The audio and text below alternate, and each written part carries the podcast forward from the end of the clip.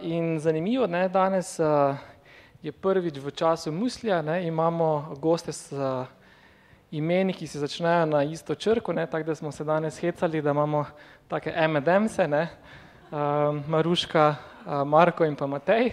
tako da en, en, en aplavz za začetek, da se za naše M&M-se.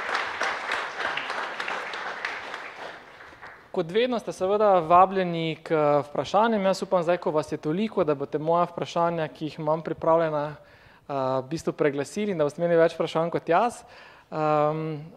ampak vsekakor za uvod bom pa z takim rahlim segrevanjem pa začel, začel jaz. skratka mogoče za začetek, kdo so naši gostje, Matej Tušek je, športni psiholog, delal je z vrhunskimi slovenskimi športniki olimpijci in olimpijkami. sedaj pa vedno več časa preživi v podjetjih in jim pomaga nekako to izkušnje in pa znanje in pa metode iz športa, vrhunskega športa prenesti v, v biznis in uspešne podjetniške time. Marko Podgoršek, direktor podjetja Mikropolo, večkrat nagrajeno podjetje, družini prijazno podjetje, skratka zadovoljstvo zaposlenih v njihovem podjetju je izredno in, jaz upam, da bomo danes slišali, kakšna je skrivnost tega zadovoljstva.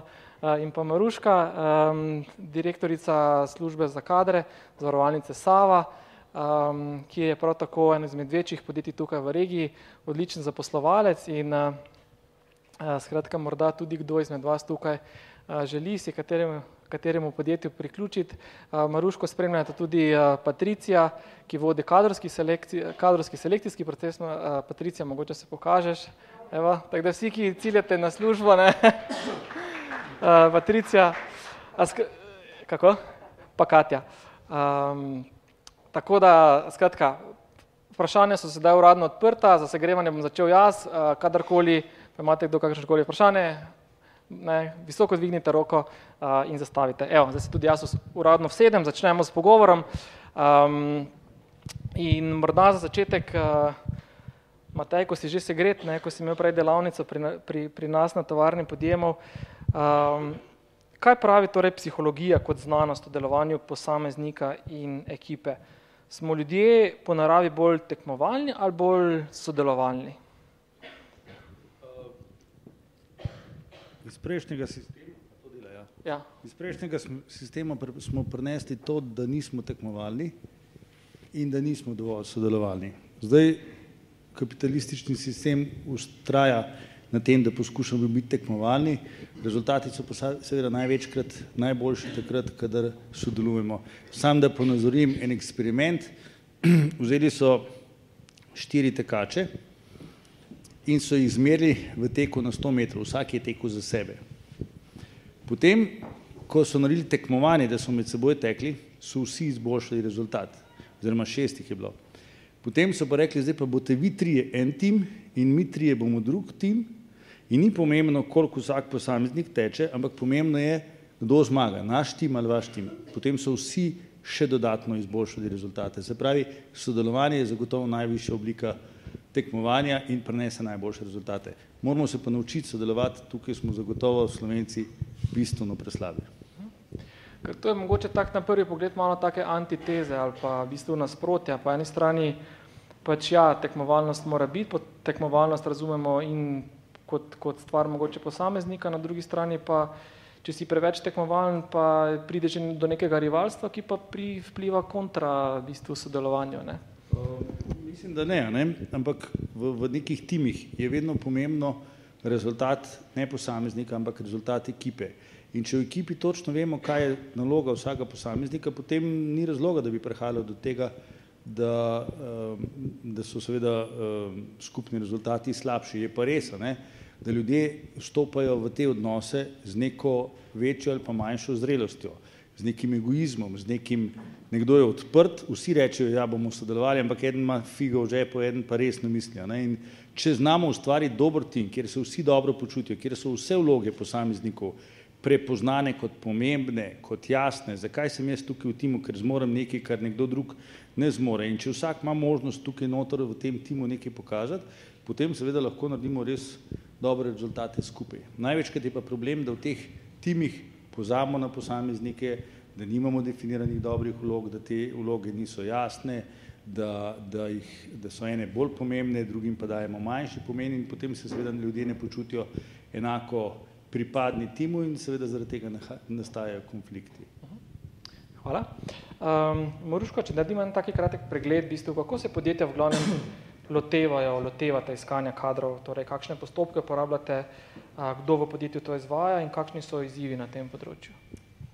V zavarovalnici Sava v bistvu, Malo bliže mikrofon. Ja, v zavarovalnici Sava v bistvu um, selekcijo kadrov dela kadrovska služba. Tako da mi v prvi vrsti se poslužimo notranjih zaposlitev, preverimo notranje vire, se mi zdi, da to tudi vpliva nekako na motivacijo, ker so določeni zaposleni na nekih področjih že malo prenasičeni nekega dela, tako da v bistvu damo vedno možnost našim notranjim zaposlenim, če pa tu recimo srednjega kadra ne najdemo, pa gremo tudi v zunanje razpise, opcije veliko. Ponavadi gremo na objave Zavoda za zaposlovanje, spletnih strani, mojih zaposlitev in teh iskalnikov. Vedno več je tega lovcev na glave, poslužujemo se pa tudi agencij. Mislim, da smo v zadnjem letu ene tri super kadre našli na ta način.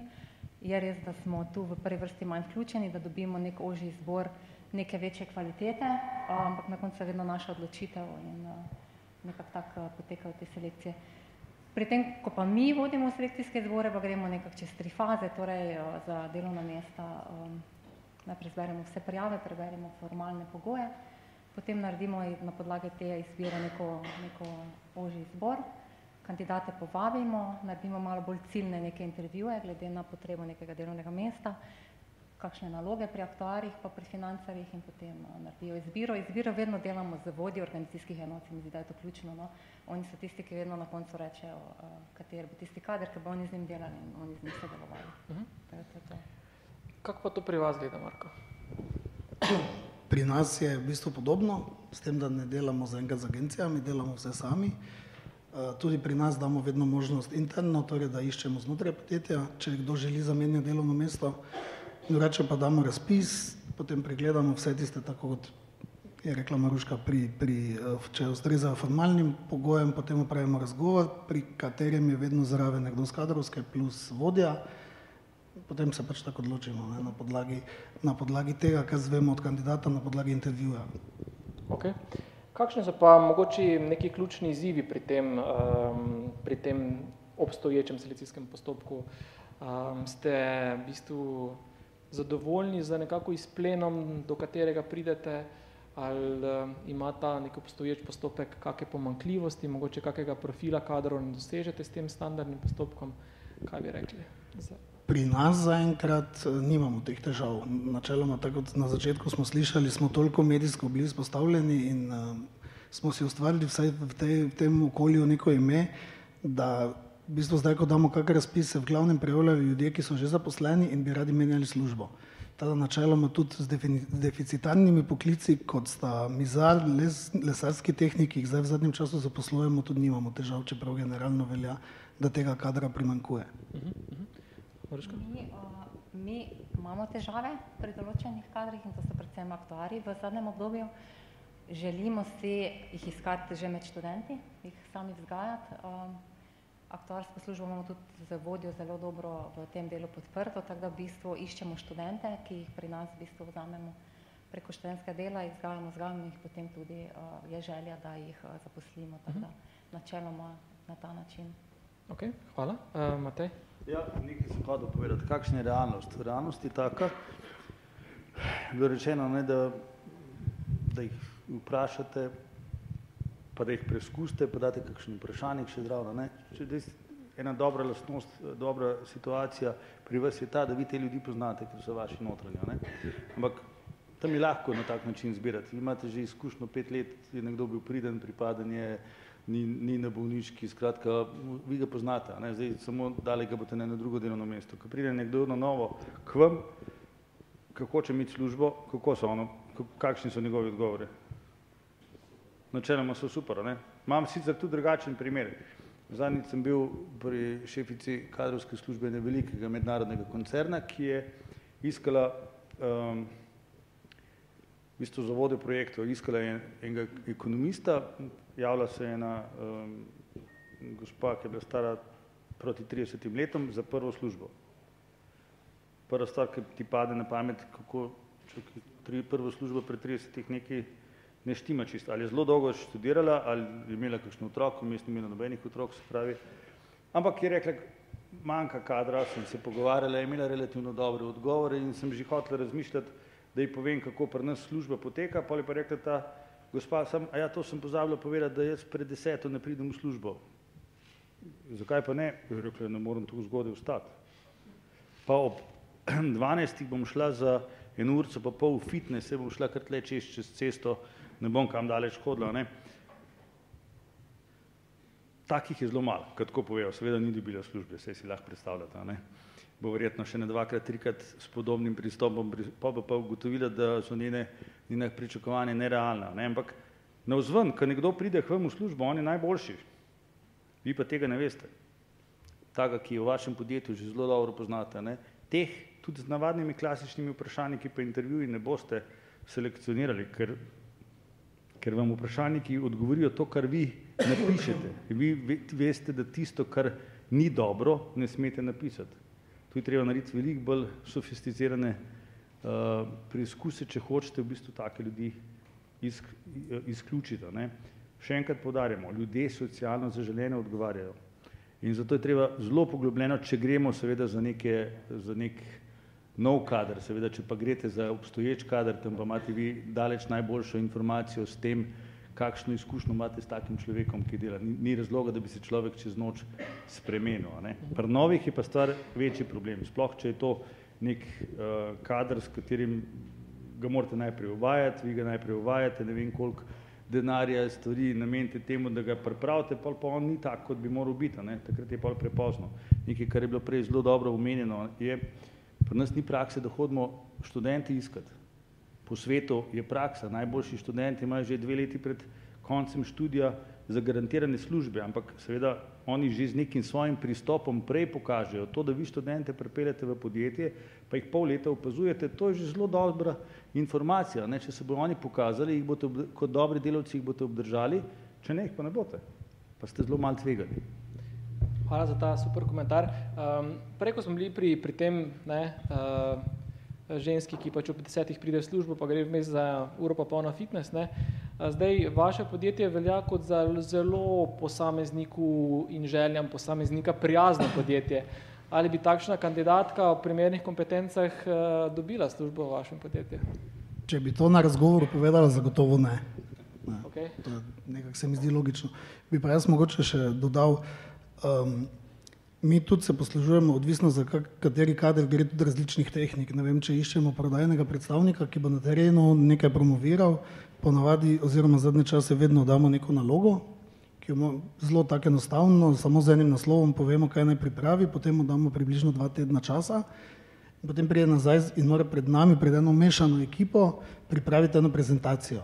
Ne? In takrat že vidimo, kako se nekdo obnaša pred neznanim občinstvom, ker v bistvu pridajo vodje naših oddelkov in mora narediti eno tako 20-minutno do 30-minutno prezentacijo nečesa, kar bo potem kasneje prodajal. In tu se naprimer zelo vidi, ali se človek znajde. Imeli smo naprimer študenta fizike, ki je, um, da bi zvedel nekaj o aparatu, ki nam ga je moral predstaviti, poklic, šel po internetu, poiskal, kdo tak aparat ima, poklical tisto, tistega uh, uporabnika, ki dela na njem, se predstavil kot študent, da dela seminarsko nalogo, če lahko pride po nekaj informacij in je v bistvu prišel na, ta, na to predstavitev zelo dobro pripravljen. Ne? Tega smo seveda vzeli. Ne? Tako da v bistvu vedno imamo neke, pri recimo monterjih smo jih poslali za 14 dni na teren, to smo seveda plačali in so potem naši vodje izbrali, kdo se je najboljše obnesel. Ne? Tako da res je, na prvi pogled je zelo težko oceniti, kdo je dober, pa kdo ne. Okay, kakšni so pa recimo kriteriji uh, izbiranja med kandidati? Kaj vam je najpomembneje? Recimo? Kaj so tiste lastnosti, taki neki higieniki, ki so sploh uh, brez, brezpogojni in se v njih ne batira? Kaj so recimo lastnosti, ki recimo so uh, malo bolj take sive meje, recimo? Uh, kaj bi lahko to nekako poenotili, uh, Maruška, Marko?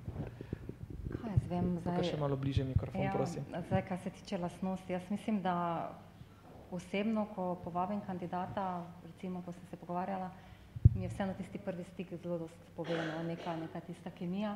Drugače pa glede na delovno mesto, pa glede na potrebe, vsak vodja najbolj ve, kaj potrebuje. In jaz mislim, da glede na potrebe in pa kompetence nekega delovnega mesta, tisti vodja recimo najbolj ve, kaj je tisto. Ne. Tak da, Ampak če se tako, zdaj če govorim malo o tej kemiji, dosti se sliši o tem, ok, v osebnem stiku, kemiji, če klikne, ne klikne. Um, kaj pa so mogoče, bi lahko vseeno malo bolj artikulirali, kaj so ene stvari, ki vas recimo uh, tako odbijajo ali pa v bistvu pripomorejo k temu, da prej jaz klikneš? recimo gledam širše recimo za tima, ki ga imam. Ne. Meni je pač pomembno, tim je, recimo moj tim je zelo raznolik, kar se mi zdi pač tudi prednost. Uh, to različnost vsi sprejemamo, se mi zdi, da to v bistvu različno razmišljanje, neka različna znanja, izkušnje pripomorejo k temu, da, da so pač rezultati nekih nalog boljši, da se tudi prenos znanja je dosti boljši in se mi zdi, da pri, pri osebi mi je pomembno to, da začutim, da mi bo pač pasala ta tim. Ne? Uh -huh. Recimo to bi jaz rekla pri, pri izbiri kadra, ki bi ga, ki bi ga iskala. Ampak ko, pravi, ko, ko, ko rečete, uh, rečete pasala v tim, predvsem iz vidika te neke osebnosti, um, uh, kulture, osebnostnih lastnosti, ne toliko kompetenc uh, ali eno in drugo. Pomembne so mi osebnostne lastnosti tudi, seveda pa tudi znanja, glede na to, kaj iščem za kadrovsko službo, ali je to pravnik ali je to kadrovski delavec, odvisno pač, kaj potrebujem. Ne? Uh, tako da sigurno se dajo naloge, se dajo neki testi, da se tu dobi neka povratna informacija, tako da zagotovo to dam pa dosti na ta občutek, no. Se mi zdi, da, da je pomembno, da potem na koncu imamo tim, ki deluje, ki dela za dosego nekega cilja skupnega in to mi je pač najbolj pomembno. No. Ok, hvala. A, Marko? Ne vem, um, jaz tudi dam dosti na ta prvi, na ta prvi vtis, na nek občutek. Uh, če pogovor sproščeno steče, če s kandidatom porabim lahko tri četrt ure, pa se sproščeno pogovarjamo, je to takoj dober znak. Ne? Včasih se mi zdi, da po desetih minutah kome čakam, da bo konec, pa da zaključim, ne? ker mi nekako po domače ne potegne. Ne? Um, dam pa zelo velik, veliko uh, prednosti tistim, ki so kadarkoli v življenju bili športniki oziroma so trenirali šport, ker se mi zdi, da vsak, ki je bil v športu, ve, da rezultat ne pride takoj, da je treba trdo delati in da se nobenega neuspeha ne ustrašiš. Ne? Tako da v bistvu pri meni so športniki zelo priljubljeni in so vedno na prvem mestu, če so trenirali nek šport. Uh -huh, super. Uh, imate tu kakšna sporednica? Uh, Ja, seveda se skozi šport se veliko teh lastnosti, um, ki so bile prej definirale uspeh v športu, seveda preprosto prenese in tudi večina teh vrhunskih športnikov, ki so bili res z glavo zraven, znajo potem to prenesti v svoj poslovni, uh, mislim, nek drug poslovni uh, prostor. Ne. Problem je edino v tem, da včasih te športniki nimajo ustrezne izobrazbe, nekateri, ne. takrat je včasih malo težko, uh, ampak večinoma tisto, kar smo prej govorili, a ne, men, men, jaz, občutki so sicer zelo fajn, ampak se vam je kdaj zgodilo, da so vas občutki varali? Jaz hočem imeti vedno tudi neko potrdilo z nekimi inštrumenti, ki seveda nikoli ne delamo stvari brez intervjuja, to je popolnoma jasno, ne? ampak jaz vedno hočem imeti nek, tudi nek sistem v zadju, ki meni vsem daje neko mal bolj zanesljivo mnenje o tem, da se nisem zmotil. Ne? Jaz sem 30 let, ne, 25 let zdaj psiholog, pa moj oče se mi je zdel manj občutljiv na, na te občutke, pa je znal bolj pravilno presoditi, kot jaz pa 25 let delam, pa pri športnikih se še nikoli nisem zmotil o tem, kdo lahko naredi rezultat, čeprav seveda na koncu so tudi poškodbe ali pa stvari, ki onemogočajo, da priješ do rezultata, ampak če druga ne vidiš, kdo ima neko osebnostno strukturo, neke motivacijske značilnosti, ampak v življenju se pa velikrat zmotimo, tudi zato, ker nas kakšna lastna značilnost zaslepi, da ne vidimo tako, kot je in je zelo fajn, če kombiniramo ta občutek tudi z nekimi čist konkretnimi objektivnimi ali vprašalniki, ki nam dajo malo potrdilo o tem, da je nekdo res ta prav, ampak seveda brez tega, da je nekdo pripravljen delati, da je, ko rabite pomoč na razpolago. Veste, to, da nekdo reče, da bi se rad učil, potem pa jaz rečem, ja, v soboto imamo to pa to, ja, v soboto pa jaz ne morem. Ok, enkrat se to lahko zgodi, ko se dvakrat, trikrat, štirikrat zgodi, takega človeka vsi učinkoviti timi ne rabijo. Ti rabiš pomoč takrat, ne takrat, ko je on frej, ampak takrat, ko ti rabiš pomoč. Ne? In človek, ki tega nima, ima lahko vso možno izobrazbo, pa je za moje pojme nekoristen. Velik, vse ostale stvari se lahko naučiš, Razen tega, da si želiš učiti, da želiš delati, to se je pa malo teže naučiti. Ne. Koliko pa, lahko, koliko pa lahko, ko ste rekli ta sproščenost, ne, um, ko pogovor steče, ko se je lušno, prijetno pogovarjati, koliko pa je po vaših izkušnjah lahko trema, isto tako po krivici uniči ta um, občutek sproščenosti, pa v bistvu prikaže kandidata v taki ne njegovi najboljši luči. V resnici, če bi bil sproščen, če bi z vami že delal, bi bilo to čisto druga oseba, zdaj pa, ko si želi močno službe ali pa ko imam eh, recimo tremo, pa je čisto druga oseba. Kako pa to eliminirate, da ne spregledate kakega dragulja, ki... Moram nekako, se mi zdi, da imam kar dober občutek, če ima kdo tremo. Ne? Potem ponavadi provam pogovor speljati bolj privat oziroma na taka lahka vprašanja, ampak se mi je že zgodilo, da en kandidat ima štiri otroke, pa sem vprašal, koliko so stari, pa od treme niti tega ni več vedel. Ne? Ali pa dosti krat se zgodi, da kdo zaradi treme preveč govori. Ne, pa mi potem kolegi rečejo, oj, ta ne vem, če bo v redu, ker samo govori, govori, govori. Ne, ampak veliko krat je to res trema, potem ponavadi povabimo takega kandidata še na en razgovor in potem drugič je ponavadi bolj sproščeno. Okay. Oziroma naredimo v nekem takem okolju, da ni čisto formalni razgovor in potem ponavadi steče. Tako da tremo mislim, da znam no, prepoznati oziroma se vidi že z kandidatovega pogovora. Okay. Okay. Ja, bi se temu kar pridružila, no, da nekako se začuti ta trema ali pa neka taka m, mm, distanca, tako da se poskuša na ta način, da se druga stran če bo sproščena. Mm. Mogoče naročimo tudi kako kavo, pa spijemo pogovor, oziroma steče pogovor od kavi, tako da. Irsko kavo, z malo viskija. tako da ja, potem pa mislim, da no, nismo imeli nekih takih težav, no, da bi imeli na drugi strani, jaz se ne spomnim, no, res eh, kandidate, ki bi, bi mogoče Zdaj bolj vedele, ko ste bolj na teh razgovorih, ampak jaz se ga ne spomnim. Ne? Ma... Ja, ja, tako da.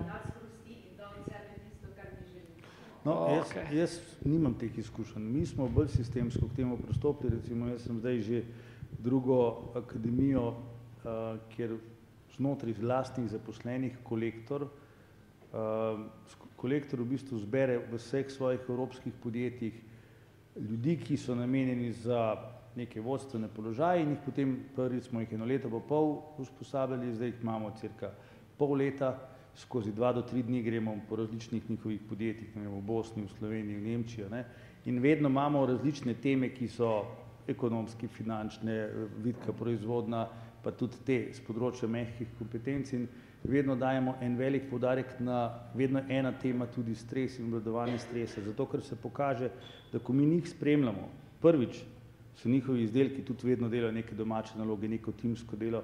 Prvič so njihovi izdelki katastrofani, nekateri ne znajo govoriti, tam je treba vse skupaj v angliškem jeziku delati. In njihovi učinki izgledajo enormno slabši od tega, kar oni recimo na šest, po šestem takem dogodku naredijo. In vsakič od njih zahtevamo, da se znajo izpostaviti, da morajo pripraviti nalogo, da jo morajo individualno predstaviti. In pol, ko to še petič, šestič naredijo, so seveda njihovi učinki takrat šele vidiš, kaj je nekdo sposoben, ki na prvi pogled, pa tudi pa so ga že imeli nekaj let v podjetju, ni nikoli pokazal tega. Nismo mu pomagali organizirati tega, da timsko dela, nismo ga naučili, da se upa izpostaviti, nismo ga naučili tega uh, nastopanja. Nekdo se je pokazal tak. Eden, ki pa ni bil dal samozavestni, je pa v bistvu pokazal mogoče 30% svojih potencijalov. In moja izkušnja je, da skozi neko tako sistemsko organizirano delo lahko dobimo od nekaterih ljudi, ki prej tega niso znali pokazati bistveno, bistveno več. Tudi takih, ki jih že imamo v podjetju, pa jih mogoče poznamo čisto drugačni luči. Tako da jaz mislim, da to je kar velika pomembna stvar in lahko marsikaj spremeni v smislu večje kvalitete uh, zaposlenih. Okay, hvala.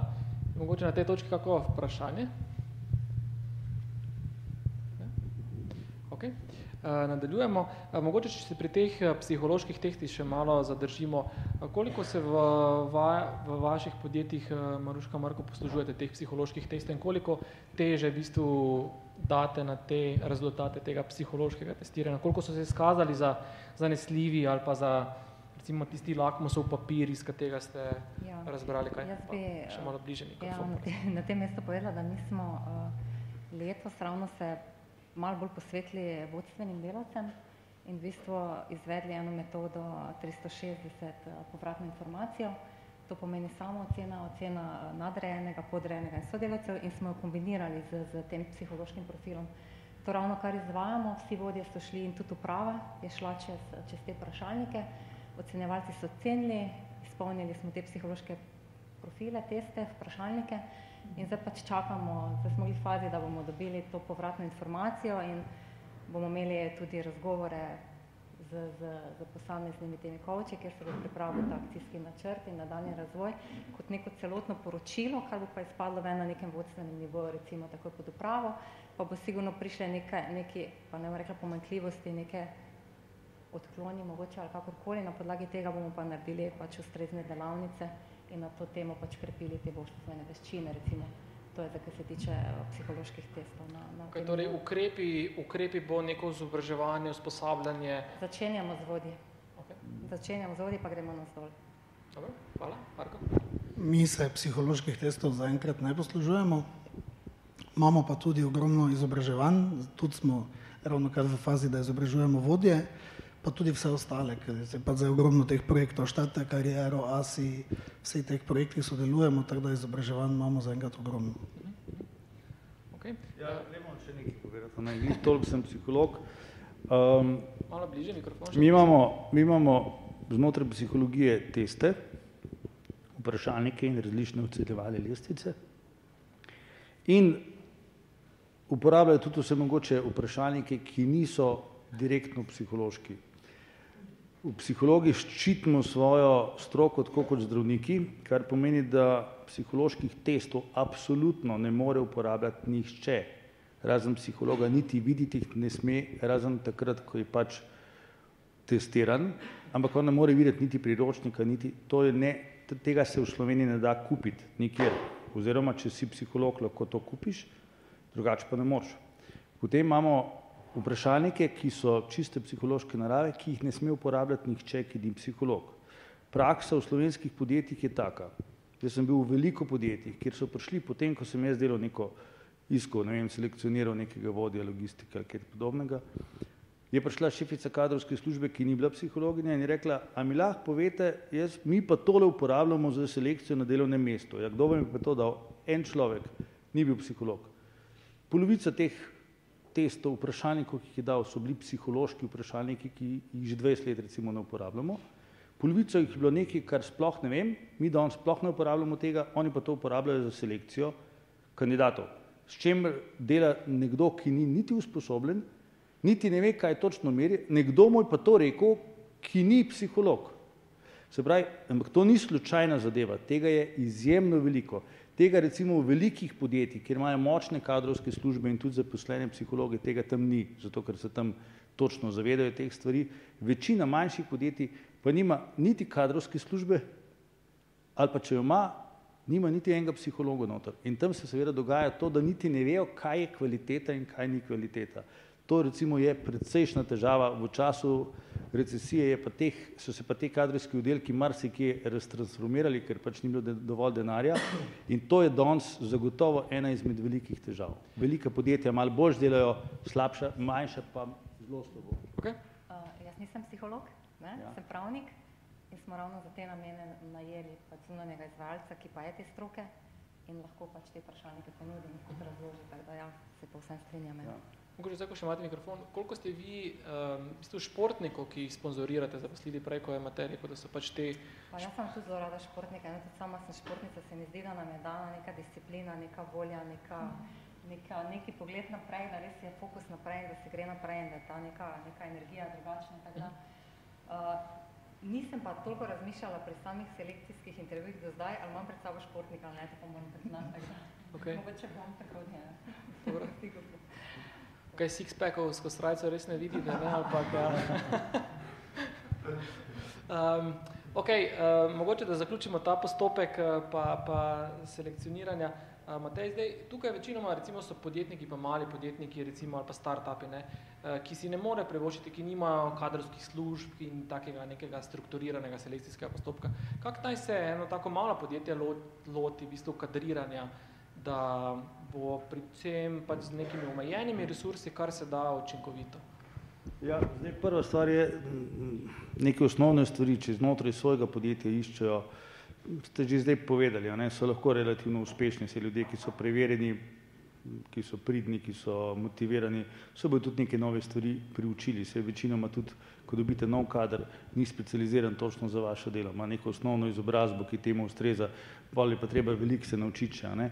Za, za, za bolj resne stvari je pa tako, taka inštitucija, kot je vaša, je lahko zelo koristna, ker zbere, ne vem, dvajset podjetij skupaj in lahko pravzaprav za bistveno nižjo ceno neko stvar naredi, ker drugače mora vsako podjetje takega strokovnjaka samostojno plačati in za usposabljanje, vi pa lahko to skoordinirate. Mimogrede, kdorkoli od zunanjih strokovnjakov pride in nenazadnje njegova cena je enaka, ali dela to za eno podjetje ali za sedem podjetij, ne, in to je ena rešitev. Druga rešitev je, da je kar precej projektov v tem trenutku, ki jih država razpisuje in so namenjene prav tem malim podjetjem. V Sloveniji je cirka osemdeset procentov malih podjetij, ki so ponavadi nastala okrog enega ali pa dveh zelo takih motiviranih, predanih vizionarjev, ki so se zdaj razširili marsikdaj tudi na svetovni trg in zdaj oni hodijo po svetu, doma pa velikokrat deluje tako v smislu, ko mačke ni doma, miši plešejo, ne. In ni narejen cel sistem, cela struktura organizacijska, kot bi morala biti, in seveda to je treba reševati, in kadar imamo premajhno število zaposlenih, jaz ta trenutek ne vidim drugega, kot da se združijo skupaj in da kot eno tako združenje ponujajo neke osnovna izhodišča in možnosti, kjer se oni naučijo, kjer jih tudi skozi te projekte mi usposobimo, mi smo recimo zdaj imeli kar nekaj projektov, kjer smo nekoga, ki so ga v podjetju določili za kadrovsko službo, saj ni bil psiholog recimo, ampak smo ga naučili od tega, da se letni razgovori delajo, kako se meri neka klima recimo, in to mi naredimo, prvič zmerimo, pol ga pa usposobimo, da on zna to delati naprej.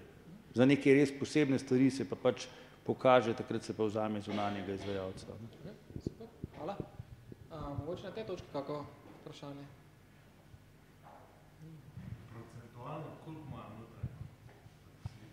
Torej procentualno, če ponovim vprašanje, koliko je notranjih v primerjavi z zunanjimi? Procenta ne vem. Ne, teh notranjih prerazporeditev, kaj bom rekla, jih je nekaj, ampak večinoma potem se pokaže, ker dogaja se nam tudi, da, da ko iščemo noter kader, je to neki kader, ki zna biti ključen v nekem oddelku, in ko ga na tej organizacijski enoti izgubimo, potem spet iščemo nadomestilo za, za, ne zapiramo poti zaposlenim, če nekdo želi menjati organizacijsko enoto, jo menja, ampak ponavadi potem na koncu je zgodba taka, da se kader poišče od zunaj, no. Hvala. Ja, podobno. Zelo malo je tega, pa tudi tako, je rekla, ne, če neko notranjo pozicijo potem zasede nekdo interni, je pa treba spet dati razpis za tistega, za tisto mesto, ki je pa zdaj spraznjeno, tako da načeloma vedno pride do novih zaposlitev, ne. Ampak nekaj notranjih pa je, predvsem pri tistih delih, ki so si podobna, če iščemo pa, ne vem, tako zdaj, ko iščemo dosti mizarjev, pa tega tu pa nimamo notranjih, ker v bistvu jih sploh ni, ker en s pisarne ne more postati zdaj mizar. No, težko govorim sicer na splošno, ampak kar v nekaterih podjetjih je to pa skoraj sto procentov notranji. Recimo Kolektor je zbral čisto vse svoje potencialne nove menedžerje iz obstoječega kadra, s tem da oni imajo, ne vem, pet tisoč zaposlenih.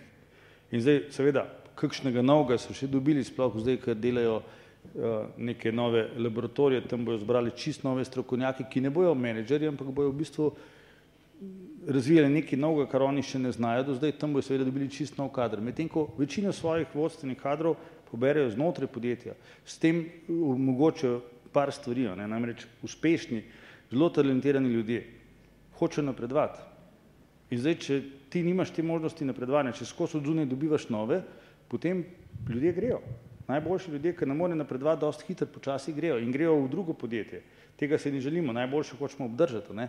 Seveda, in če ti znotraj svojih zbereš na tak način, potem pa če imaš veliko podjetij, če se širiš tako, kot se oni širijo, v bistvu ves čas ustvarjajo neka nova delovna mesta, ki so atraktivna recimo, ne, včasih so sicer povezana tudi s tem, da moraš iti v drugo državo, ampak na ta način v bistvu nagrajuješ svoje in jim omogočaš, da grejo tudi po hierarhični lestvici navzgor, ne. Kadar se pa pojavi neka specifična zgodba ali pa takrat pa seveda vzameš tudi zunanjega, ampak oni imajo, pa to ni samo eno podjetje, takih velikih podjetij je pri nas dosti, kjer zaposlujejo ali pa vsaj vodstvene kadre iščejo v veliki meri znotraj svojih zaposlenih. Okej, zdaj ste dali super izhodišče, torej kako, kako pa vi zadržujete top kadre, recimo ker ne, kot top kader je top kader in si ga verjetno želi marsikatero podjetje. Zdaj, kaj lahko vi vse naredite, da ta top kader zadržite v vašem podjetju? Jaz uh, mislim, se strinjam, ja. učni kadri so, so top in jim je treba dati pač posebno mesto. A malo bliže, prosim, tam uh, zadaj ne slišijo. Tak je. Če... Predvsem se mi zdi pravilna obravnava, no, da, se, da se njihovo delo vidi, da se pohvali. Pravim, da pohval nikoli ni preveč. Sigurno je stimulativna nagrada neko plačilo za neko upravljeno delo, kar se mi zdi tudi pomembno. Možnost tega napredovanja, možnost, da, da je prepoznaven, da lahko komunicira tudi z višjim vodstvom, tudi z poslovodstvom, da predstavlja projekte, recimo tudi na upravi družbe, tudi študentom damo to možnost, če so dobri, naprimer.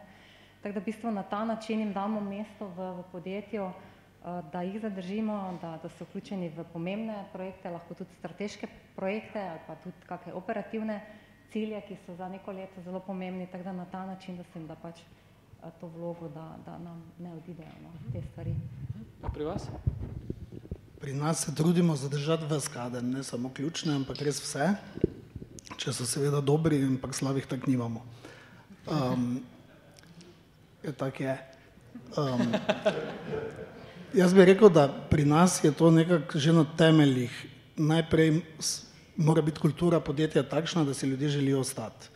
Nas je namreč malo več kot sto in v takem podjetju je težko za imeti toliko napredovanj, da lahko vsak po dveh letih napreduje, ker smo samo tri nivoji in, ne, in v bistvu je težko napredovati.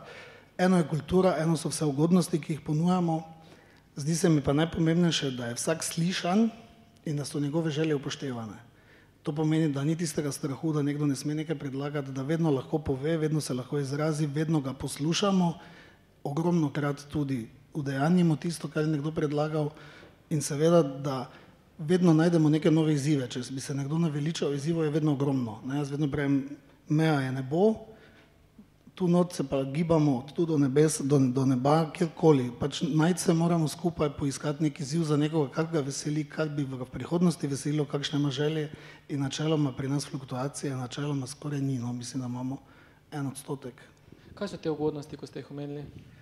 Ah, te ugodnosti, da nam malo zasete sline. Te ugodnosti, v bistvu verjetno večina vas tako pozna, imamo zajtrk v službi vsako jutro brezplačen za vse zaposlene, kosilo, neomejen plačan dopust, živali lahko pripeljejo na delovno mesto, otroke lahko pripeljejo v službo, imamo dve tematski zabavi na leto, skupni izlet in tako. Kako to zgleda, da živali pripeljejo lahko v službo?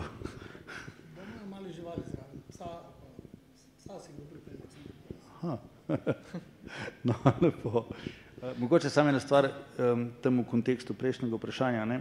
To je zelo dobro bilo rečeno, ne? kadar imamo mi ne vem, sto ljudi zaposlenih, to ne more vsi skozi napredovati, ker preprosto ni prostora manevrskega. Ne? Ampak v takih primerih je zelo dobra rešitev, da vsebinsko postavljate projekte in postavljate projektni tim in nekdo je vodja projektnega tima in on se lahko s tem projektom, ki je mogoče en del njegove delovne uh, obveznosti, ne, ne cela, ne, nekaj dodatnega zraven, on se lahko prvič pokaže, lahko se izpostavi, hkrati lahko še nekaj, kot če je projekt dodatno nekaj prenese, lahko še neko dodatno materialno nagrado dobi v tem kontekstu, predvsem pa se lahko tudi skozi te zgodbe, ki niso um, fiksne, ne, ampak v času trajanja projekta, dejansko pokažejo tisti, ki so potem dolgoročno najboljši za neke vodstvene funkcije.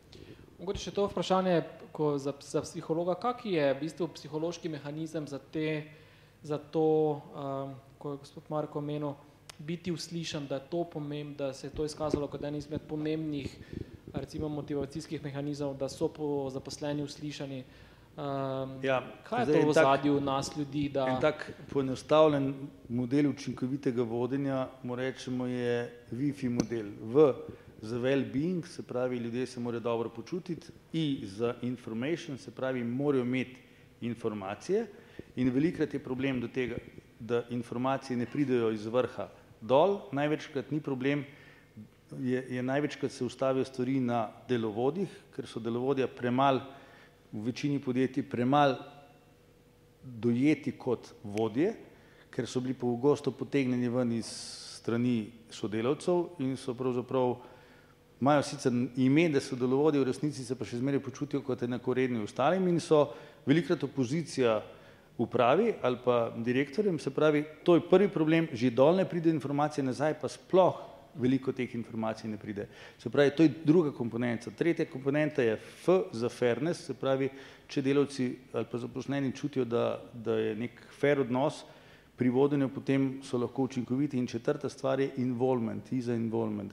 Se pravi, danes vsa podjetja težijo k temu, da bi se ljudje počutili, da so vključeni, seveda to ne v principu nekdanjega samoupravljanja, da vsak posameznik odloča, kam boste vi dali denar, ga boste investirali, ali to je pač naloga uh, ljudi, ki so za to kompetentni, ampak na nek način morajo čutiti, da so vključeni v procese in če to zagotovimo, potem bo tudi njihova motivacija in zauzetost bistveno večja kot pa pri tistih, ki tega nimajo. Ne? Pa še problem je, kadar vi informacije dol ne spravite, če ni informacij, kaj naredijo zaposleni?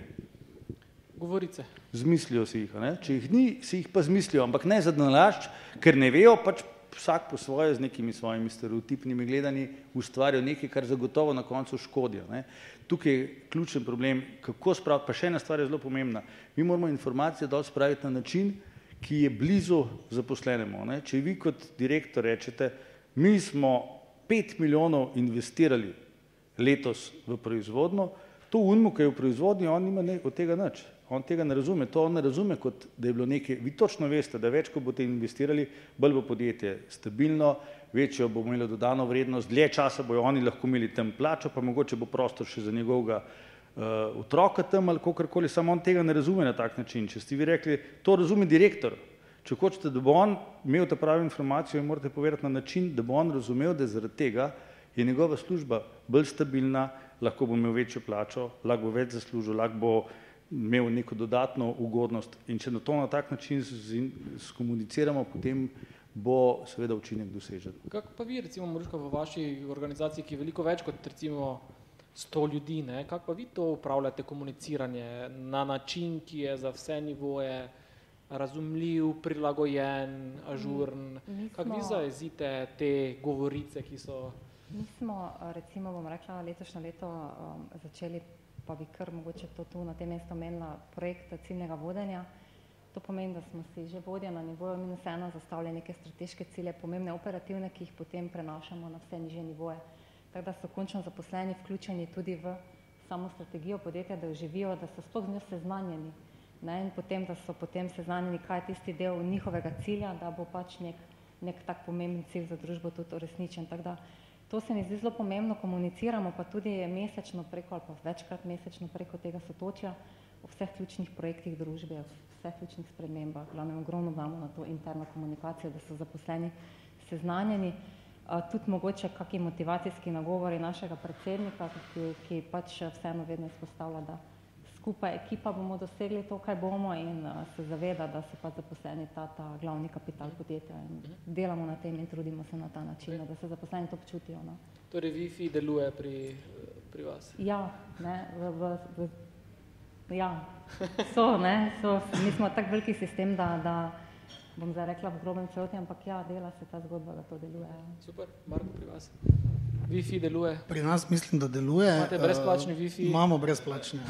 Obveščamo pa zaposlene, v bistvu imamo en interni časopis, mikrofon, ker smo mikropolo, smo ga imenovali mikrofon in v tem časopisu na mesec pa pol v bistvu povemo vse, kaj se dogaja. Povemo, ta časopis je v bistvu res časopis v smislu, da ni noter internih navodil, da ni noter prepovedi, da ni noter nekih opažanj, kaj je bilo narobe, ampak je zelo, sestavijo ga v glavnem zaposleni, oddelki poročajo o novostih, jaz vedno napišem uvodno besedo, kaj se je bistvenega zgodilo v prejšnjem mesecu, da v bistvu skozi ta časopis obveščamo vse, kje smo, kam gremo, kaj se dogaja. Mislim, da je to zelo zaživelo pri nas in da zdaj že, mislim, da drugo leto ga izdajam. Okay, cool. Zdaj, če se mogoče še kako vprašanje tukaj? Ne? Super. Okay. Kar na glas. Mikrofon. Zdaj govorimo samo o pozitivnih lastnostih recimo, kaj pa v velikih podjetjih, uh, kako dosežete v bistvu tiste, ko se šlepajo, ne? Kako tiste odkrijete, recimo? Okay. Ker recimo pač v velikih podjetjih recimo, če, uh, je težje ga odkriti, kot recimo malih z 15 ljudmi, ne? Ko pač nekaj, ne vem, ne dela, tako odkriješ recimo pri Savi, pa v bistvu to veliko težje, ne? Uh, mi, mi smo recimo zavarovalnica Sava sploh v tej fazi, zdaj 2. novembra bomo imeli resni dan, ne? drugo leto bomo smo združena zavarovalnica, imamo, um, verjetno poznate Extilijo pa ex-zavarovalnico Maribor, tako da v bistvu k nam se je kar zlil, zlilo nekaj kadra, neko zatečeno stanje, prihaja mlad kader, ampak smo tako veliki, da ja, te stvari se dogajajo, so ljudje, ki so dolgo v podjetji, pa se tudi šlepajo, ampak dejansko je jaz tako opažam, no, da je taka sprememba v generacijah, da, da ne moreš teh ljudi zdaj zato delajo tisto svoje delo, so pa razlike med zaposlenimi v kakovosti in tu se pač pokažejo, ne, da se pa nekdo res šlepa ali pa da nekdo, nekdo ne dela uh, po navodilih ali pa da je nesposoben, pa so tu pač uh, razlogi, ki, ki pa potem lahko pripeljajo tudi do tega, da nekdo zapusti pa izstopi iz družbe. Ne. Mi jih načeloma identificiramo na ta način, da dobijo vodje vsake toliko časa nalogo, da jih, da jih na nek mogoče se bo slišalo malo grdo, ampak da jih v bistvu rangirajo od najboljšega do najslabšega. Ne? In potem vedno vemo, aha, ta je v očeh vodje kot najslabše ocenjen delavec, na tem moramo delati, da bo zlezel gor. Tako da načeloma jih vedno identificiramo. Tudi jaz se vsak dan sprehodim po podjetju, pa marsikdo mi reče, kdaj, da ne vem, ampak za čisto vsakega vem, ali se šlepa ali ne. Greš mimo računalnika, pa vidiš, da delo prebira na ekranu, ne? pa že veš, aha, v bistvu hitro dobiš sliko, če pač znaš opazovati. Ja, to je kar pomembno vprašanje, sploh zato, ker um, je danes veliko mladih razvajenih in pridejo s čist napačno predstavo v službo. To, iz socializma je še zmeraj zgodba, ena izmed velikih vrednot je, da prideš v službo za nedoločen čas, ne da delaš in ustvarjaš. Uh, moram priznati, da moja izkušnja je, da so starejši pri tem boljši, spet pa odvisno kje veliko delamo v gospodarstvu, veliko delamo v negospodarstvu. Način razmišljanja predvsej drugačen. V eni zavarovalnici, pa ne bom imenoval, ker smo zdaj zraven, smo, sem imel predavanje za 330 vodi. Rabil sem 4, 10 minut, da sem dobil 4 prostovoljce. Kaj meni to pove o takem podjetju? Zdaj, kadarkoli pridem v podjetje, pa ne moram dobiti prostovoljca, rečem, da merim kvaliteto podjetja, potem koliko časa rabim, da dobim prostovoljca. Ne. Tukaj zdaj smo ga relativno hitro dobili ne, na prejšnjih predavanjih. Ne. Uh, praksa, ne vem, imamo podjetja, kako lahko merimo take stvari.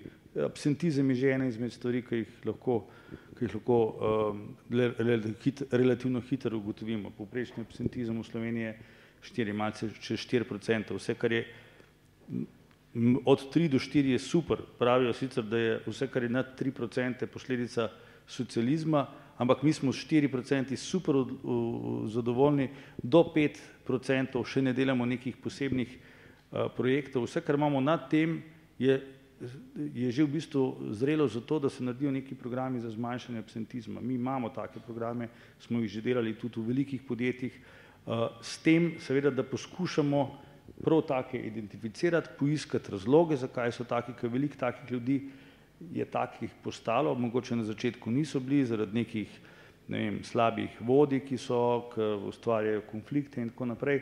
Um, ampak en del teh ljudi se seveda poskuša identificirati in, bom rekel, na rekovajih popraviti. En del jih boste pogotovili, da imajo in nizke potencijale in nizko željo, da, da se karkoli spremeni, teh se boste mogli pa počasi rešiti. In zdaj, če boste preveč socialno usmerjeni, pa če je to samo, če je mehno podjetje, se lahko trije taki zelo poznajo, ne, če vas je, ne vem, koliko je prvo zaposlenih, recimo. Koliko? Aha, tukaj se jih lahko deset šlepa ali pa dvajset, če imate pa vi sto ljudi zaposlenih, se jih po dvajset ne more šlepati, ker pa to težko pride skozi. Uh, vedno se bojo pa v mehnih kolektivih, tam kaj pet, do, dvaindvajset, do trideset, Eh, ljudi se šteje v psihologiji kot mala skupina, kar pomeni, da se vsi med seboj poznajo. Tam se je zelo težko šlepati, ker če se eden ali pa dva šlepata, jih ostali počasi izločijo, zato ker morajo oni namest njih delati. Tam, kjer je tisoč ljudi, so v nekaterih poslovnih stavbah pisarne, kjer ljudje sploh ne vejo, kdo sploh je tam noter. In zdaj, dokler, dokler ni recesije, dokler je denarja dovolj, se nikoli niti ne dela teh stvari, pol pa je recesija, pol pa se začne iskati, kje se da mal reda narediti. Vseeno, da nas je toliko, ne?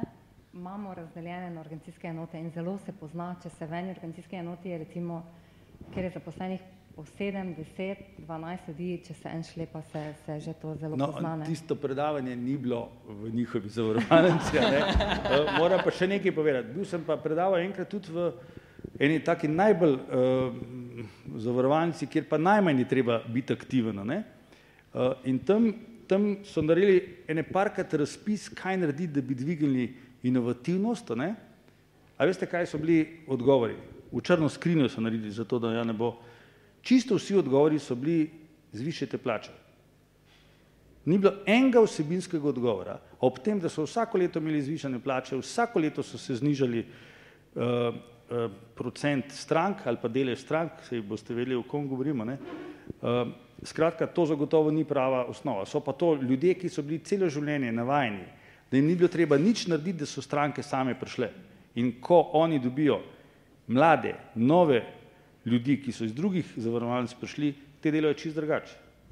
Ko pa imajo tiste, ki so že 20-15 let tam, pa jim ni bilo nikoli treba strank pridobivati, s tem imajo pa težave. Kako se pa to rešuje, seveda v velikih sistemih kar težko včasih.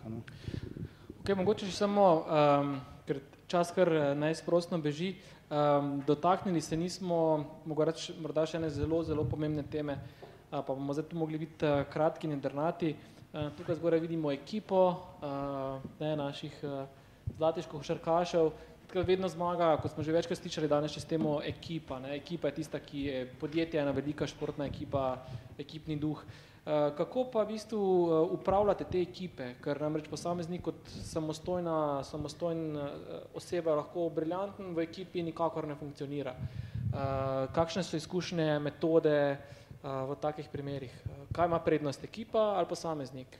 Ekipa, jaz zagovarjam to, da ekipa no, uh, ima vodja pri tem uh, kar vlogo, da, da pozn- spozna to raz- raznolikost pač članov nekega tima, jaz pravim pa, da jih zna pravilno usmerjati, uh, ampak tudi uh, se mi zdi to ful pomembno, no, recimo v mojem oddelku so si punce zelo različne, vsaka neke svoje izkušnje, neka svoja znanja, ki si jih med sabo potem se mi zdi delijo, uh, prenos znanja je večji, Uh, predvsem pa iskren odnos med njimi, odprta komunikacija, da si zaupajo, se mi zdi, da potem dihamo vsi skupaj v eno in dosežemo tiste cilje, ki jih moramo. To se mi zdi pač tim, ekipa, to je sigurno pred nekim posameznikom. Ampak posameznik je lahko tudi je lahko super delavec, inovativen, strokoven, pa morda malo bolj eh, ne vem, introvertirana osebnost, eh, pa v bistvu ne deli tako proaktivno. Kaj pa v takem primeru? Težko, jaz rečem, mislim, težko je, da je tudi recimo nek posameznik lahko zelo dober, če se ne vključi v tim. No. Z prakse zna biti to težava, no, bom rekla, in da se mi zdi, da lahko en tim, ki skupaj diha, naredi več kot en posameznik, ki jih je mogoče pa malo bolj uh, topno. Tako da, to je moje mnenje. No. Odvisno od de- delovnih mest ne, oziroma od pozicije, ki jo ta človek ima, pri nas ponavadi identificiramo te, ki nikakor ne morejo delati v timu in jim poiščemo delo, ki je v bistvu delo ene osebe. Tako da dela res sam. Um, drugače pa seveda je naloga, naloga vodi, da, da tim menedžerirajo, da v bistvu vzpostavljajo ta timski duh in nekako skozi kulturo podjetja ga tudi vedno uh, vsi skupaj spostavljamo, vedno povemo, da smo mi kot ekipa dosegli nek rezultat, da moramo narediti to kot ekipa, nikoli ne govorimo, jaz sem naredil, ti si naredil, ampak kot ekipa smo to naredili, hvala mikropolovcem, čestitam vsem zaposlenim, v bistvu vedno poudarjam to, da smo ena ekipa, ne, da smo vsi za enega, en za vse. Ampak koliko krat se vam je zgodilo recimo na razgovoru, da je posamezn, posameznik rekel, da pa on pa ne deluje dobro v timu, ker to se mi zdi tak, tako smo prej slišali, ne? vsak reče ja, jaz pa sem timski player, pa odgovorna oseba, ampak potem, ko ga dejansko soočiš za neko situacijo, pa se pokaže malo drugače. Uh, torej ta dinamika, ka, kakšna je ta po vaših izkušnjah ta razlika med tem, kako se posameznik predstavi na razgovoru in kako se potem ta posameznik dejansko v praksi čez neko daljše časovno obdobje uh, izkaže. Je ta diskrepanca ful velika ali je to, ali že znate, ste že tako izureni, da znate že na začetku dobro um, uh, nekako Profilirati. imam kar dober občutek. Moja kolegica, ki je danes tu, tu je rekla, da ne bo več nikoli, uh, da bo vedno mene poslušala, nikoli več sebe. Um, ne vem, na, do zdaj nismo imeli nekih teh težav, tudi ponavadi vsa dela, večino delovnih mest pri nas je v bistvu vedno delo posameznika. To pomeni, da ni tako močno vezan na nek tim, nimamo toliko timskega dela, zato je mogoče malo lažje. Timska dela imamo bolj v nekih, ko so neke projekti ali pa kaj, takrat pa vedno poiščemo ljudi, ki, za katere vemo, da bodo znali skupaj delati in da bo uspeh tudi zagotovljen. Mogoče, tako kot je bilo rečeno, ne, nekatere delovna mesta zahtevajo veliko več timskega dela, ampak generalno je pa zelo pomembno to, kar, to, kar je bilo rečeno, da vedno izpostavljamo, da smo nek uspeh dosegli timsko. Ne. Potem ste ve, seveda s tem, ko mi ustvarjamo nek tak timski uspeh, ustvarjamo tudi timsko motivacijo. Ta timska motivacija seveda lahko pomeni bistveno več. Če je to pet ljudi, je to pet ljudi, ki deluje, če je to 1300 ljudi, je seveda to enormna energija. In če se počutijo dobro in če, če čutijo, da so del tima, je potem seveda um, rezultat bistveno večji. Moramo pa vedeti, da, da je to tako kot v športnih situacijah. Poglejte, kaj je predstavljal v zadnjih letih Real Madrid, pa kje smo danes. Pa v bistvu samo trener pa in igralci sta šla stran. To je proces, ki se lahko spremeni. Ena stvar se zgodi in vse se spremeni in ni treba nobene hude panike zganjati, sam treba je v tistih trenutkih poiskati prave rešitve, da se to spremeni. A veste, recimo, isti ljudje so lahko deset let ekstra uspešni, ena dobra lastnost, ne, zidana. Zakaj šel zidan stran? Se nima druge uh, opcije odprte. Zakaj šel stran? On je po mojem zelo hitro začutil, da ta ekipa ni več to, kar je bila in da se bo podrla in on je šel stran in zdaj bo vsi rekli, da se je podrla zato, ker je on šel stran, v resnici je pa on to zelo dobro začutil, ampak seveda vi, ki ste recimo lastnik podjetja, ne morete iti kar stran iz podjetja. Vi morate pač poiskati neke stvari, da boste ta proces spet usmerili v pravo smer. Ne? In tukaj uh, je to pač nek živ proces, dinamičen proces, ena izmed stvari, ki jih pri nas ne razumemo čisto dobro, je, da je lahko nekdo danes vodja, pa, pa pride pol čez pet let na eno drugo delovno mesto, ki je včasih lahko tudi mal niže, ne samo više, ali, pa, ali pa je vsaj vsebinsko, je mogoče formalno na istem nivoju, ampak je vsebinsko drugačno in zaradi tega omogoča neko novo kvaliteto, ki je drugačna, moraš delati. En odgovor, zakaj jaz danes nisem več v športu tako, kot sem bil, zato ker, ko si enkrat bil pri vseh možnih zgodbah, ko si že vse skupaj doživel, veste to, da si sedemkrat, šestkrat ali pa devetkrat na olimpijskih igrah, kot ne vem, spremljevalc, to, da si zraven petkrat pri olimpijskih medaljah zlatih ali pa osemkrat, to nič več ne pomeni. In če hočeš ustvarjati neko novo motivacijo, moraš poiskati nov, nov prostor. Ne? In tega kroženja je zagotovo pri nas bistveno premali. Vzroki so tudi zato, ker so se ljudje včasih bali, da če bojo kaj zamenjali, pa pol bojo pa izgubili službo. Danes počasi ta zgodba o izgubljanju službe ne bo več tako rizična, ker vsi vidimo, da če si dober kader, boš zelo hitro lahko dobil zaposlitev. Ne? Ampak do zdaj so se pa vsi držali svojega mesta in da ja ne bi kaj druga naredil, pol seveda ustvarjalnost počasi z leti začne pešati. Okrog sebe imaš vedno samo iste ljudi, z njimi na isti način komuniciraš, vse je isto, seveda se en del, velik del ustvarjalnosti izgubi. Tako da je zelo pomembno, da se naučimo čim bolj krožiti in s tem prvič tudi izboljšujemo motivacijo ljudi, ki pride na neko novo področje, pa se z novimi cilji soočajo. Mogoče samo ena moja izkušnja, ne, ravno na, na to.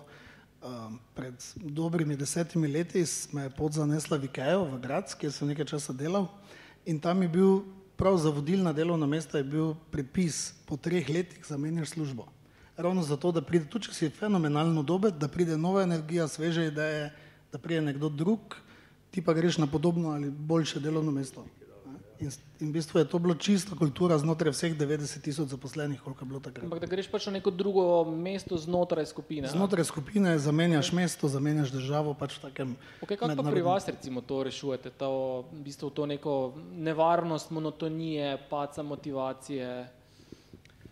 Uh, ko stopite v mikropolo, na veliko piše, uh, edina stalnica so spremembe. Uh -huh. Tako da pri nas se toliko stvari spremenja, non-stop, skozi se nekaj dogaja, da v bistvu ljudje to, kar so delali danes, vejo, da čez eno leto mogoče bodo morali delati drugače ali pa nekaj drugega. Tako da nekako se delo non-stop spremenja, skozi spremenjamo, tudi ljudi selimo, so sedeli spodaj, pa se seli v drugi pisarni, pa se bodo delali tako. Tako da je v bistvu nekega kroženja, da bi pa res lahko med oddelki menjavali, pa načeloma nimamo, smo vseeno premajhni. Mogoče pa zdaj čisto, čisto tako vprašanje za vas osebno kot lastnik, direktor, koliko vi imate občutka, da ste ali pa čutite bremena na vaših ramenih, da je vse motor in hitrost in uspešnost firme odvisna od vas Uh, koliko pa imate občutek, da je v bistvu podjetje že toliko utečeno, da je to breme vseeno malo niže? Mislim, da je to breme kar malo niže. Oziroma, jaz imam sploh rad navado, da odgovornost predam. To pomeni, mene, skoraj, mene rabijo samo tam, kaj je treba uradno podpisati, ker sem zakoniti zastopnik. Drugače pa želim, da vse odločitve sprejemajo sami. O pomembnih me seveda obveščajo, sebe pa vidim bolj kot nek motor razvoja, kot nek, neka vizija, kje bomo naprej. Tako da se v bistvu vsakodnevno delo sploh ne spuščam in ne čutim tega bremena. Okay. Kaj pa, kako se pa vi motivirate, ker vseeno v podjetju ste že nekaj let, ne, vseeno je na vas ta neka gonilna sila, motivacija, nove ideje. Ste kdaj izčrpani, kdaj čutite, da ne vem, mogoče pa, ne, mogoče pa bi kaj druga počel v življenju? Pa kaj vem, zadnjič so me ravno moji otroci spraševali, če bi imel kmetijo, pa če bi živel na kmetiji, pa sem rekel ja. Um, ne vem, v bistvu to delo, načeloma sem zaljubljen v to delo, nikoli ne, ne čutim nekega pritiska.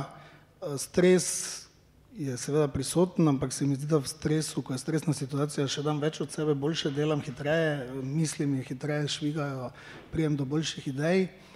Um, Kako se motiviram? Ne vem, to je moj način življenja. Jaz sem pač vesel, da to delam, da lahko res tudi, če se po noči kaj spomnim, se zbudim, napišem, pa se čudijo, da ob dveh zjutraj maile pošiljam. Ampak ta kreativnost, da lahko si res mislim, aha, jutri bomo pa to naredili tak, ne, to me v bistvu motivira. Um, še kako vprašanje, mogoče tam zadaj, kar, počakajte, počakajte, počakajte na mikrofon. Okay. Kako uh, vi ravnate z stresom, mislim, vsak posameznik? Hvala.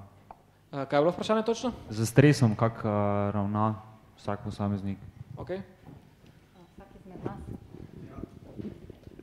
Jaz sem tudi rekla, da v stresnih situacijah mogoče sem še bolj učinkovita uh, kot sicer. Uh, tako da se mi zdi nek pozitiven stres je, je vsekakor dobrodošel za še boljše upravljanje dela. Tako da, Ko pa pride stvari preveč, pa je stresa preveč, pa, pa je tu šport, pa je tu uh, pohod na pohorje, pa je tu malo takega odmika v samoto, se malo sprostiti, razmisliti, predvsem športom, no?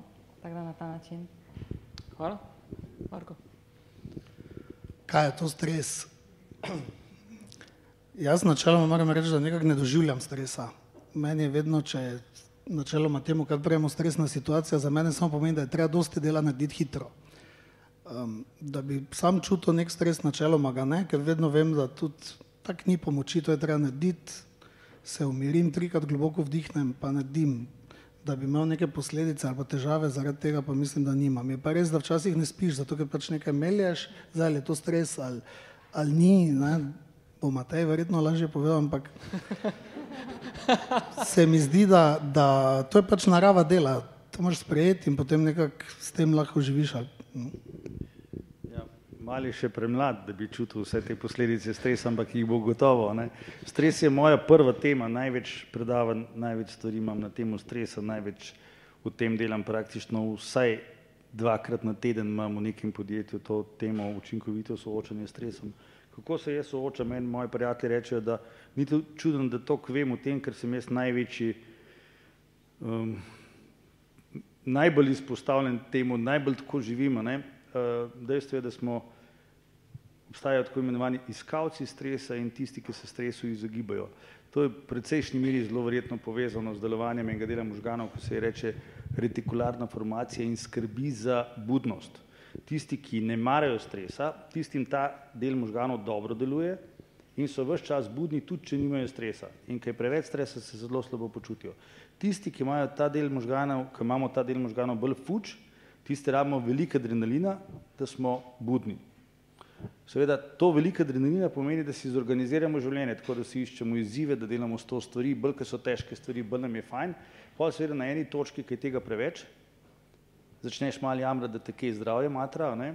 in pol je zelo fajn, da, se, da najdeš neko mero. Jaz se še nisem najdel, k sreči me moji domači vsak tok časa malo pozorijo, ampak sem glih toliko star, da se ne pustim preveč reči in pol sem še zmeraj mal češ se zmejo. Ena je osebna izkušnja, um, par let nazaj v teh obdobju, zdaj ki je oktober, november, takrat je vedno največ dela do novega leta, ne, ko so vsi razpisi pa vse stvari.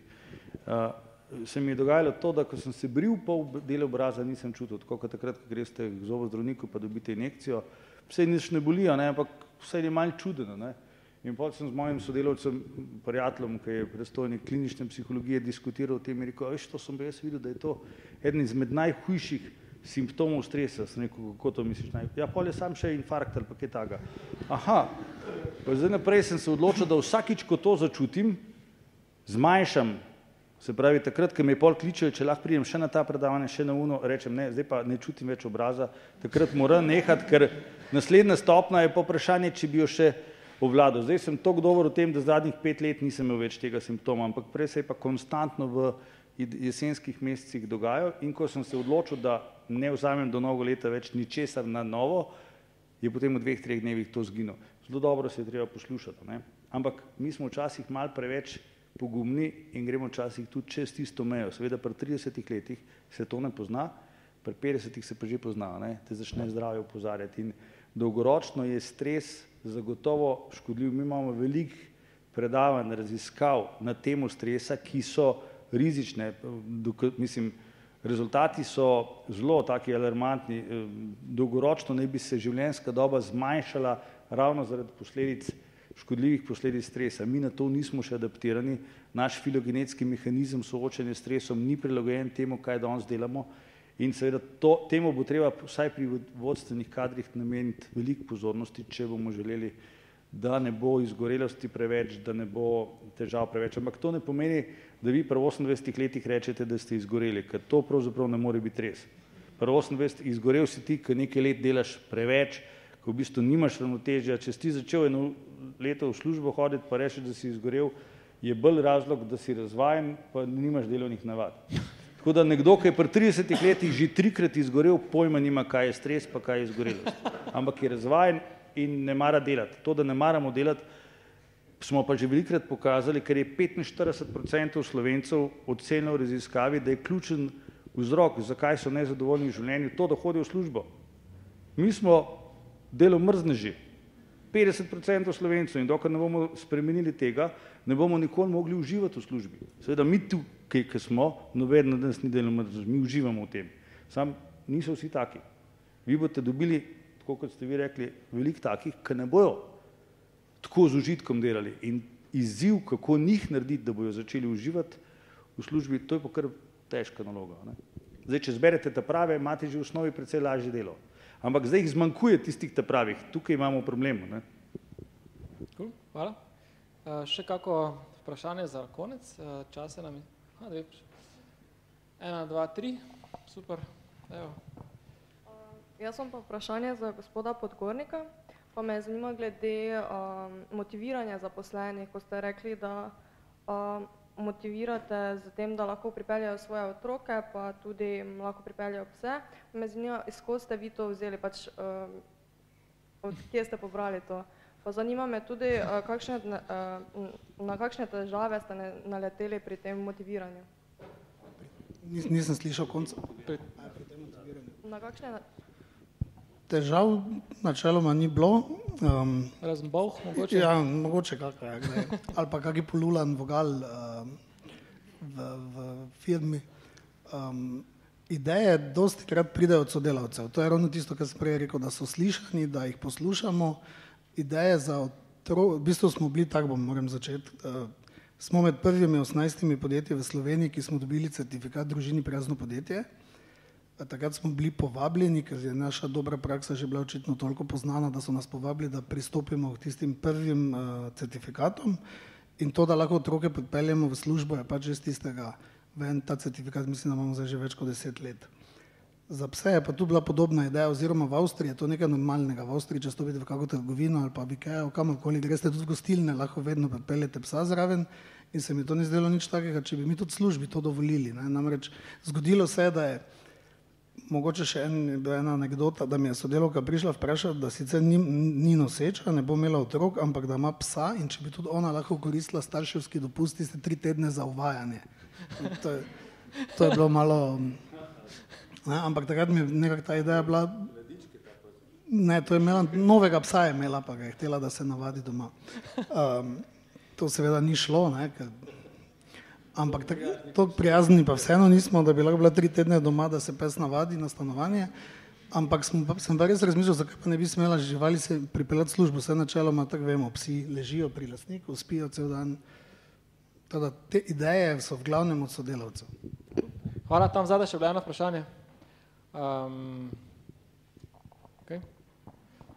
Jaz bi pa gospoda Mateja samo vprašala, na, na začetku je bilo rečeno na razgovorih, ko se res vsi kažejo ah in oh, ne, da vse obvladajo. Uh, ste omenili, da je treba postaviti par takih vprašanj, malo ekstra. Imate moče kakšen konkreten primer vprašanja ali pa vprašanj, kako oceniti človeka, da se moče z mimiko ali pa zagovori ali pa kaj takega izda? Ker jaz recimo imam res izkušnje s tem, da vedno vsi obvladajo, vsi so, vse znajo top, ne?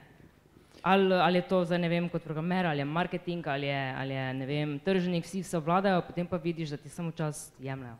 Hvala. Prva stvar, ki je, mi uporabljamo veliko projekcijskih preizkusov. Projekcijski preizkusi so v psihologiji preizkusi, kjer ne veš, kaj je prav, pa kaj ni v redu. In s tem dobiš zelo veliko informacij, moraš biti pa veš uporabe projekcijskih preizkusov. Jaz praktično pri vsakem profiliranju uporabljam poleg vprašalnikov ali pa testov še projekcijske preizkuse, s tem, da ne uporabljamo Rorschachovih pack, ki jih vsi poznate, ampak druge preizkuse, odvisno od tega, kaj pač želimo spoznati. A gre za neke odnose, a gre za neke splošno znanje osebnosti in tako naprej. Druga stvar, ki se mi zdi zelo pomembna, je, da date nekomu nalogo, tako kot je bilo že omenjeno. Ne.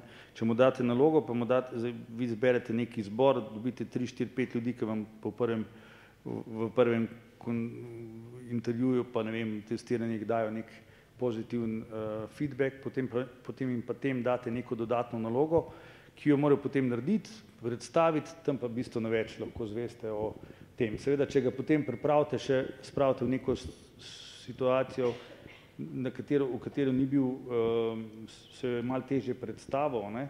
potem lažje dobite tisto, kako on v resnici funkcionira. Ampak v osnovi je tako, ljudje, ki so se pripravljeni učiti, bojo veliko teh stvari spremenili. Najprej smo se pogovarjali o timskem delu. Nekdo, ki ni bil navajen timskega dela, bo seveda rabo nekaj časa, da se bo to naučil, ampak če je on dobro nameren, če je pripaden podjetju, pa če bo podjetje reklo, mi zahtevamo timsko delo, se bo on to tudi naučil in ni nobenega problema. To so vse stvari, ki so naučljive. V, doma v družini mogoče izhajajo iz tega, da, da ni bilo tega, ampak to se da vse naučiti, če so ljudje motivirani, če so zauzeti in če želijo prispevati k podjetju. Problem je, če imate take, ki tega, tega, cilje, tega cilja nimajo. Ne? V takem primeru pa potem nastanejo težave. V vsakem primeru pa jaz vključujem vedno projekcijske preizkuse zraven. Okay. Zdaj, čas nam je stekel, jaz se pravi čujem, uh, uh, da ne bomo gosto predolgo zadrževali. Uh, mogoče samo še za zaključek, uh, zdaj sledi mreženje, tako da tudi vi boste dobili priložnost za vprašanje na štiri oči. Uh, kdo lahko k, pristopi k, vama, k vam, koga iščete v podjetju? Čisto vsak lahko pristopi. Uh -huh. Tako da uh, predvsem ta trenutek, pa, pa posebna pažnja aktarji, informatiki, razvojniki, zavarovalni zastopniki, potrebe pa imamo v bistvu čisto, čisto tak lahko pristopi. No. Okay. Hvala, Marko. Trenutno mislim, da nimamo nič eh, nobenega razpisa, ampak eh, lahko povem, da smo po moje več kot 50 oziroma verjetno celo 75 odstotkov zaposlenih zaposlili na način, da je njihova vloga prišla brez razpisa in da so nas prepričali, da so nekaj posebnega. Tako da smo že dosti krat ustvarili neko delovno mesto samo zato, ker je kandidat, ki se je predstavil, bil nekaj posebnega in smo rekli, ne tega pa bi radi imeli boljše, tako da ga, da ga imamo mi, kot ga vzame nekdo drug in potem kreiramo delovna mesta. Tako da v bistvu lahko tudi vsak pristopi, če je drugačen in če ima kaj za ponuditi. Mhm, hvala. Um, pa imate še za, za vas za zaključek, glede na to, da smo v nogometnem mestu, pa da je bilo že prej malo govora uh, Zidan uh, Real. Um, tle, kako vi vidite, kako se bo Real spet zablestel, da bo najbolj dominanten klub na svetu? A mu manjka za Mariborom seveda? No, jaz mariborski nogometaš zelo dobro poznam, ker, ker predvsej mariborskih nogometašev, pa tudi trener običajno občasno pridejo do mene. Zadnjič je prišel k meni in mariborski nogometaš, sem rekel, o, ti si pa primorc, ker imaš koprsko registracijo. Je rekel, ne, ne, pravzaprav sem iz Litije, ampak če imam ljubljansko registracijo, nastradam v Mariboru, če imam mariborsko, nastradam v Ljubljani in sem si dal njihov, vaš nogometaš je pa samo že trikrat uh, uničili avto, v Mariboru, ker so pač mislili, da je, da je iz Olimpije, ker je bilo člansko registracijo. Skratka, jaz mislim, da je Real ta trenutek daleč od tega, da bi prišel uh, na vrh. Uh, potrebno bo poiskati pač prave ljudi, najprej pravega vodjo, potem bo seveda treba ugotoviti, kaj je narobe in začeti iskati prave poteze. Ampak ta trenutek mislim, da so svetlobna leta daleč od tega, da bi bili čist na vrhu. Super, hvala lepa vsem za, za te modre misli, en velik aplaus.